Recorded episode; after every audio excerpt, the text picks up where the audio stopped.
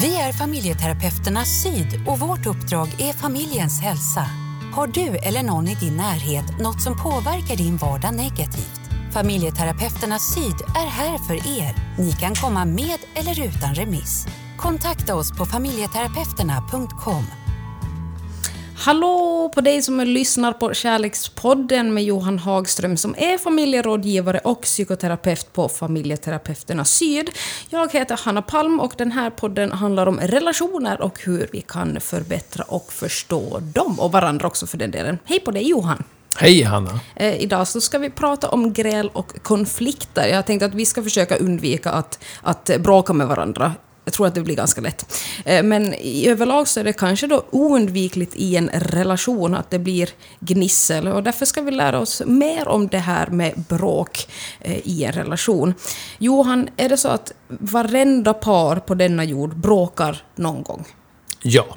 Det korta så, svaret. Så är det väldigt enkelt kort svar. Ja, vi bråkar alla på olika sätt någon gång emellanåt. Det finns par som hävdar att ja, men vi, vi bråkar aldrig. Eh, då ljuger de med andra ord. Ja, för man får ju definiera eh, vad, vad bråk är då. Eh, om man säger att man aldrig bråkar så tänker jag mig att man har ju ändå olika åsikter, lite olika synsätt.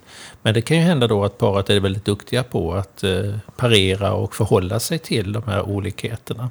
Men det är klart att det kan ligga en konflikt i, i olika synsätt och olika motsättningar. Mm. Eh, enligt din definition, då, vad är ett bråk? Ja, det är ju när man blir oense. Alltså när man inte kan komma överens, komma fram till en konsensus. Eh, ofta leder ju bråk till att man kommer fram till någonting. Antingen är man fortsatt ovänner eller så kan man sluta fred och fortsätta på, samma, eh, på en ny väg eller samma väg man var på innan. Eh, så ett bråk handlar egentligen om att man, man eh, gör upp, eh, gör upp en, en, en, en delad åsikt om, om saker och ting, eller en känsla som inte är, är delad riktigt. Ja, och det kan vi ju ändå enas om att alla är med om någon gång. Och det är inte bara i kärleksrelationer, utan mm. det är kompisar och arbetskamrater. Ja, det är det ju. Alltså, somliga säger att om det är så att man grälar väldigt lite i en relation, eh, nu har vi ju konstaterat att alla bråkar någon gång, men om det är något par som typ aldrig gör det, då hävdar vissa att ja, men då är den relationen inte sund, att man måste bråka någon gång, för annars så mår inte relationen bra. Är det här någonting du håller med om? Måste man bråka? Nej, det måste man ju egentligen inte, bara man är medveten om att man löser olik, olikheter på ett eh, föredömligt sätt. Eh, så det skulle kunna bli bråk. Eh, men, men antagligen har man då så bra strategier och ett sånt bra förhållningssätt till varandras olikheter att man inte hamnar i de här traditionella bråken eller grälen som vi då kan läsa om i ja, diverse olika veckotidningar. Eh, och där människor behöver skilja sig och kanske slå på varandra och bete sig väldigt illa. Eh, men att man, att man någonstans ändå har en lös, man, har, man löser någonting. Så att jag tror alla egentligen har bråkgräl som handlar om att, att det är en olikhet hos dem. Sen ty tycker jag det är viktigt att, eh, att säga det i samband med detta att, att ett par som säger att de inte har bråkat någon gång tror jag risk, det kan finnas en viss risk att man har undvikit också eh, att ha konflikt. Därför man kanske är rädd för att den konflikten ska leda till någonting som är väldigt farligt. Till exempel en separation. Eller att man inte känner sig älskad när man har haft ett bråk. Ja, precis. Jag mm. tänkte just fråga det här att eh, jag kan tänka mig att somliga par då löser ett bråk genom att man bara då går på skilda håll och surar i fred. Eh, men det kan man ändå klassa som ett slags bråk. Ja, det är ju en, en olöst konflikt då, tänker jag. Risken är ju att den är olöst, för man går ifrån varandra. Men man tar inte fighten, utan man går omkring och bär en känsla efteråt som inte kanske är så funktionell för, för förhållandet. Om någon är sur eller arg i flera dagar efter, efter en sån här meningsskiljaktighet så är det inte så sunt egentligen. Mm. Eh, så jag tycker att eh, man, man är rädd för konflikten där. Och det är ju känslor då som inte man kanske har lärt sig att hantera. Eh, de, de här starka känslorna som sorg och vrede och även stark euforisk lycka. De kan vara lite, lite svåra för vissa människor att, att ha och hantera. Vad bråkar man om i de svenska stugorna? Vad är Man- det, vad, vad, ja, vad, vad, finns det någon roten till allting ont eller är det olika delar som spelar in? Man bråkar om likadana saker som i Finland och Danmark och Norge. I Sverige gör man det. Alltså, vi människor är ju väldigt lika där. Att, att bråk handlar om att jag känner mig inte riktigt mött. Kanske jag hade... Kanske jag är eh, ja, för, förnärmad eller, eller kränkt eller att jag inte känner mig älskad längre. Kanske jag har fått för lite beröring. Eh, kanske jag inte har blivit uppmärksammad eh, för det jag gör eller den jag är. Och sen kan jag tänka mig, jag tycker jag har hört genom åren att många uttrycker det här att om han hade kunnat säga förlåt så hade det varit så mycket enklare. Eller om hon hade kunnat tänka sig att eh, ha sex en gång till i veckan så hade det varit så mycket enklare. Du lyssnar på Kärlekspodden med familjerådgivaren Johan Hagström och mig som är programledare Hanna Palm. Den här podden handlar om relationer och hur vi kan förbättra dem. Eh, vad finns det för olika bråkstilar då, Johan? Vi har tidigare nämnt lite det här att det finns somliga då som kanske går bort, lämnar konflikten, gömmer sig eh, och surar i fred eller är rädd. Eh, vilka andra sätt finns det att tjafsa på? Ja, alltså de som är mer expressiva och utåtagerande kastar ju saker omkring sig eller slänger ur sig hemska ord, förfärliga ord. För, för vissa par kan det vara märkligt att man ens kan fortsätta som par efter att ha sagt vissa ord. Medan för de paren som använder de här orden är det, det är självklart att vi ska svära eller kalla varandra hemska saker när vi bråkar. Det är helt, det är helt okej.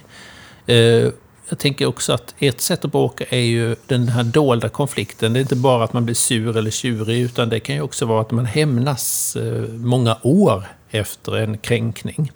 Låt oss säga att det har funnits en otrohetsaffär eller någon form av enkel romans som inte är så farlig egentligen, men att det har varit så kränkande, så djupt kränkande för den här personen, den andra, den andra personen, så att den då väljer att eh, eh, stänga av känslomässigt eller av, bli väldigt avvisande. Det är ju ett annat sätt att bråka. Det låter som att eh, det centrala för grälen eh, handlar om ens eget ego. Eh, Att det är antingen ett sårat ego, man kanske har lite dålig självkänsla. Ska man rikta tillbaka det på sig själv om man känner att nu, det här, nu är jag kränkt? Ska man se sig i spegeln och kolla att men handlar det verkligen om min partner? Ja, det är, det är intressant att du lyfter in det. Jag tror att väldigt mycket ramlar tillbaka på oss själva. Hade vi kunnat ställa oss frågan varför blev jag så arg över detta? Eller varför tycker jag så här om min partner? Varför, tycker jag, varför blir jag ledsen på min partner som inte ger mig det jag önskade? Då, då är det ju väldigt bra att tänka kring, kring det. Var, var kommer detta ifrån? Va? Ofta har vi ju med oss eh, ganska orealistiska förväntningar på ett förhållande. Eh, vi möter ett par ögon i en folksamling och de där ögonen drunknar vi och sen så tänker vi att wow, där har vi henne, där har vi honom. Han och hon, eller hon ska läka mina barndomsår. Och där går vi ju på pumpen direkt. Va? Men förälskelsen handlar ju mycket om det. Här har jag mött någon som har sett mig. Och sen visade det sig efter det att förälskelsen började lägga sig att nej men shit, hon såg inte mig heller. Och då börjar besvikelsen komma, frustrationen, agget, eh, sorgen. Eh, Finns Och det behöver man ju hantera själv, tänker jag. Precis. Finns det bättre och sämre eh, sätt att gräla på? Du nämnde det här med att eh, kasta saker och skrika och gorma. Det är ett bra eller dåligt sätt på att lösa en konflikt. Den kände gurun inom familjerådgivningen och parterapin, John Gottman, vill jag ju påstå, är en väldigt stor guru inom den eh, verksamheten. Eh, menar ju på att Eh, par kan gräla ganska så rejält eh, och det kan, det kan gå hett till. Det som, det som egentligen gör att paret eh, klarar sig och kan fortsätta att vara ett par och även känna kärlek är ju att man har en grundton då i paret sinsemellan där man känner att jag är älskad även om den här personen är vansinnigt arg på mig just nu och önskar, mig, önskar livet ur mig kanske till och med eh, just i den här stunden så vet jag att jag är älskad av den här personen. Det menar John Gottman är en av nycklarna till framgång eh, i, i en parrelation och då, då kan man ju gräla väldigt mycket. Mm. Ja, men det känns ju härligt. Betryggande. Ja.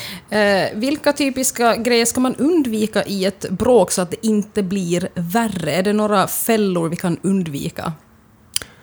stopptecknet. Hur, hur, hur ska vi eh, hjälpa varandra att veta när det verkligen är läge att eh, lägga ner vapnen? Stanna bråket, stanna diskussionerna. Eh, det är ju en, en framgångsnyckel som, som jag tycker många par också kommer och jobbar, jobbar med hos mig. Eh, Eh, de här nattliga bråken är ju inte bra, eh, som, som varar fram till 3-4 på morgonen. De blir väldigt eh, irrationella dessutom efter klockan 12 tycker jag. Mm. Som mycket annat i ens liv blir väldigt irrationellt. Och vansinnigt trött är man när man ska gå upp och jobba på morgonen efter en sån natt. Va? stopptecknet är ett bra sätt. man kan också faktiskt vara ärlig mot sin partner och berätta att det där greppet, det, det, det, det, det gör för ont. Mm. Det får du inte fortsätta med för då, då kommer jag gå sönder eller då kommer jag bli så drabbad så att jag, jag, det tar på kärleksreservoaren till dig. Eh, I vissa eh, vad ska vi säga, intima sexuella relationer eh, eller situationer, då pratas det om ett säkerhetsord. Är det någonting man kan tillämpa i ett gräl också? när jag säger bananasplit, då betyder det att nu, nu, nu måste vi tagga ner här. Nu lägger vi ner vapnen. Mycket, mycket bra. kan man absolut använda även i samband med andra situationer där man kommer varandra väldigt nära. Ju. Där mm. man kan göra varandra väldigt illa men också väldigt mycket gott. Mm. Det kanske inte behöver vara bananasplit, det kan vara någonting helt eh, annat. Eh, alltså tjafs om små saker, det är ju inte helt ovanligt. Liksom det här med kläder på golvet, tomma mjölkpaket i kylen och eh, liknande. Det verkar ju räta somliga mycket mer än andra varför hakar vissa upp sig på sånt här som är, känns så smått? För vissa smått och för vissa jättestort. Mm, exakt. För mig smått och tydligen.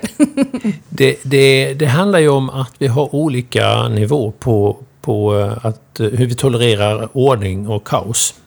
Eh, om, om vissa av oss kan ha ganska stökigt omkring oss så finns det de som, som inte klarar det för att det stör, eh, det stör någon slags ordning man har inom sig. Då. Och det är ju många som bråkar kring detta. Ju. Eh, hur mycket damm ska det få ligga på golvet innan man dammsugar? Och har man då dessutom en uppdelning på att man kör varannan vecka då, då är det ju pest eh, för, för den ena parten den, den veckan som, som den som inte är så pedantisk eller den som inte är så noggrann, alltså som inte stör sig så mycket, ska dammsuga. Och det kan man ju bråka om. Så det handlar ju om toleransnivå, var, var, var lägger vi ribban? Så där brukar jag föreslå att man kan eh, försöka göra en deal. Eh, jag dammsuger för din skull en extra gång den här veckan för att jag vet om att det skulle betyda mycket för dig. Mm. Eh, men jag tänker som så att om det är så att jag till exempel är jätte jättenoga med att vi fäller ner toasitsen och jag vill att min partner fäller ner toasitsen. Om den då gång på gång inte gör det, eh, kan det vara ett problem då att jag inte känner mig respekterad? Du respekterar inte mina önskemål eh, och därför blir jag irriterad. Ja, där för du in något intressant det här att eh, när, när handlar det om respekt och när handlar det om att vi försöker styra vår omgivning eh, vissa människor som inte klarar av att fälla ner det här toalocket då, fast ens partner säger det, tänker ju, reagerar ju faktiskt på att jag känner mig eh, manipulerad, styrd av dig. Ska, varför ska jag göra detta när inte jag vill det? Mm. För att du vill det. Varför ska jag göra det? Ja, för att visa mig respekt. Jaha. Och så, då får man prata om det. Liksom, när handlar det om respekt och när handlar det om att du utövar en makt, eh, en kontroll över mig? Liksom. Mm. Intressant ja. vinkel, Johan. Ja. Du lyssnar på Kärlekspodden med familjerådgivaren Johan Hagström och mig som är programledare, Hanna Palm. Den här podden handlar om relationer och hur vi kan förbättra dem. Mm, det finns bråk som är rent av destruktiva. Jag tänker att vi ska gå in lite på dem nu. Eh, hur vet man att det som liksom pågår under ett gräl inte är normalt eller då hälsosamt, om man då ska använda sig av ett eh, ord som normalt? Jag tycker att gränsen går att dra när någon blir skadad. Alltså när någon känner sig så illa, illa eh, eh berörd eller liksom att det drabbar mig så mycket så att eh, det, det gör, gör, mig illa. Då, då, då har man ju bråkat onormalt för det paret. Det kanske inte är onormalt för ett annat par ju, där man kan ta ut svängarna mer och där man klarar kanske också rena personangrepp eller slag under bältet som man kan kalla det också. Eh, så det där beror ju väldigt mycket på vem, vem man är. Mm. Varje par är unikt eftersom det är två individer som är unika i, i det paret. Ju. Eh, jag tänker att du säger skadad. Kan mm. det då vara både psykiskt och fysiskt? Ja, det, det kan om? vara psykiskt och fysiskt. Därför att vissa par använder ju det fysiska. Det behöver inte vara rent och skärt våld. Utan det kan ju vara att man tar i varandra för att hålla kvar kontakten. Va? Alltså man, in, inte för att skada utan hålla kvar. Men det är klart att är det då en part, har man att göra med en partner som har varit med om att det här med att ta på en betyder att man blir slagen eller att man är ute efter att göra, göra illa på något sätt. Då kan ju det väcka till liv minnen och känslor som inte blir funktionella. Eh, så där behöver man då i så fall jobba med det. Vad betyder det att, att eh, din partner vill röra vid dig när ni bråkar? Eller, eller går efter dig eller jagar dig? Eh, Försöker hålla fast dig så att du inte du ska gå, lämna rummet. Som skulle innebära en jättestor kränkning för, för den andra personen då att bli lämnad i konflikten. Mm, det verkar vara väldigt mycket beroende på vad man själv har för bakgrund eh, ja, och det erfarenheter. Är ju det. Ja, det är ju det. Mm. Och där behöver man också vara och prata. Det gör man ju mycket inom till exempel eh, den här parterapimetoden EFT. Där pratar man ju om vad man har med sig för anknytningsstil och där kan det också ligga tidigare relationer som spökar, eh, som spelar spratt, som man behöver ha koll på. Eh, när vet man då att nu är det dags att söka hjälp för hur vi bråkar? Ja, det är ju när man känner att man inte har kommit framåt. Eh, man kanske känner att det här det är ett återkommande tema och vi, vi, vi behöver lyfta in någon som, som tittar på det här. Liksom. Din fråga innan, vad är normalt och inte normalt? Eller vad är Eh, hjälpsamt eller icke hjälpsamt. Den, är ju, den tycker jag är en bra guide till om man ska söka hjälp eller inte. Känner mm. man sig osäker så, så tycker jag man kan ta råd. Och idag kan man ju till och med få rätt så till och med gratis rådgivning. Eh, ett telefonsamtal till sin familjerådgivare med en enkel fråga. Bör vi komma till, till familjerådgivningen eller, eller är detta är rätt så normalt? Hur kört är det för oss egentligen? kan man fråga. Eh, vilken slags hjälp då kan man få om man är den som eh, ser rött inom situationstecken? Eh, om man är den som har lätt för att bli väldigt aggressiv och hotfull. Det kan ju vara bra att skifta över det på den personen. Vilken hjälp kan man få? Idag finns det ju väldigt fin hjälp i form av eh, mansjourer. Där man, det är ofta vi män som, som hamnar i det här. Det finns kvinnor också. Men mansjourer och kvinnojourer är duktiga på det.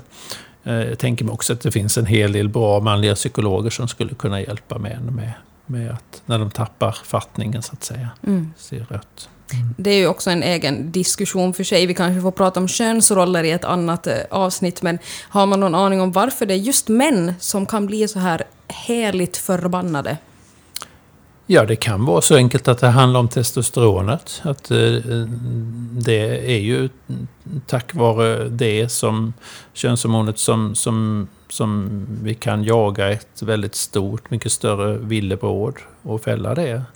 Tillsammans med andra män som har den här fysiska explosiva styrkan jämfört med kvinnor då, som har visat sig ha en mera seg eh, styrka, uthållighet, kan bära matkassar mycket längre än vad vi män kan. Det är en intressant studie som visade sig i veckan bara.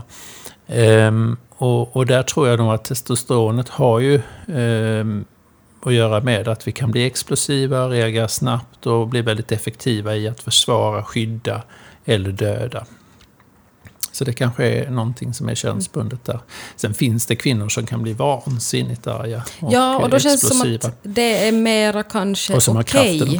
Eh, mm. Att det är mer mm. okej okay om en kvinna lappar i för en man, då ska den kanske ta det på ett annat sätt. Så har vi ju haft det, men jag tror att det är ganska så långt gånget i att det svänger ju. Att även män då som blir drabbade av, av våld eh, kan söka hjälp och, och blir respekterade på allvar tagna idag.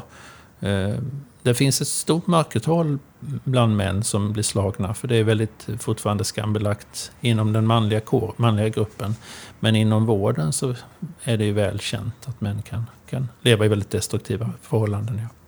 När man då har bråkat klart och, och dammet har lagt sig, så att säga, hur viktigt är det då att vi försonas? Eller ska man bara... Ja, det, det var det. Försoning tror jag är viktigt om man känner ett behov av den. Eh, vissa människor har ju inte så stort behov av att försonas, utan nu händer det igen, okej, vi går vidare. Och så lever man på på något sätt i detta att det här är ett återkommande mönster och vi vilar mellan, mellan perioderna. Det är nästan som att vara eh, periodvis beroende av andra stimulanser, så kan våld vara ett stimulantia. Eh, men försoning är väl viktigt om båda parter känner att det har skadat någonting, att, att man behöver upprätta relationen eller någon i relationen. Eller men man behöver inte alltid göra ett bokslut av, av grälet. Vad gick bra, vad gick dåligt? Nu går vi igenom exakt vad som har hänt. Det är inte alltid det är, är jättenödvändigt. Eh, att be om förlåtelse då, det kan ju vara jäkligt svårt eh, för somliga. Varför är det här eh, ett knepigt ord för somliga? Förlåt, borde vara hur lätt som helst att säga. Ja, och så underbart. Ja, så underbart. att bli förlåten. Det, det, handlar väl mycket om, tror jag, att man ska komma över det här att jag har förlorat en kamp, att jag är förloraren. Alltså att be om förlåtelse betyder att jag ger mig, att jag lägger mig. Eh, det behöver man komma bort ifrån och istället tänka på att det är någonting stort när man ber om förlåtelse. Det är stort att, att ta på sig sin del av eh, skulden, ta ansvar för sin skuld. Mm. Och därför tycker jag att det är ofta jag hör kvinnor som säger att oh, om han bara kunde få över ordet över läpparna förlåt, så hade det gjort saker och ting så mycket annorlunda. Öva framför spegeln. Säg förlåt. Det kan vara ett bra sätt. Eh, du Johan, nu har vi eh, kommit till vägs ände. Stort ämne som vi säkert kommer kunna eh, komma tillbaka till framöver. Men vi ses ju snart igen. Då ska vi snacka om någonting helt annat. Du som lyssnar, sköt om dig och Johan, ha det så bra så ses vi. Tack. Vi är familjeterapeuterna Syd och vårt uppdrag är familjens hälsa. Har du eller någon i din närhet något som påverkar din vardag negativt? Familjeterapeuterna Syd är här för er. Ni kan komma med eller utan remiss. Kontakta oss på familjeterapeuterna.com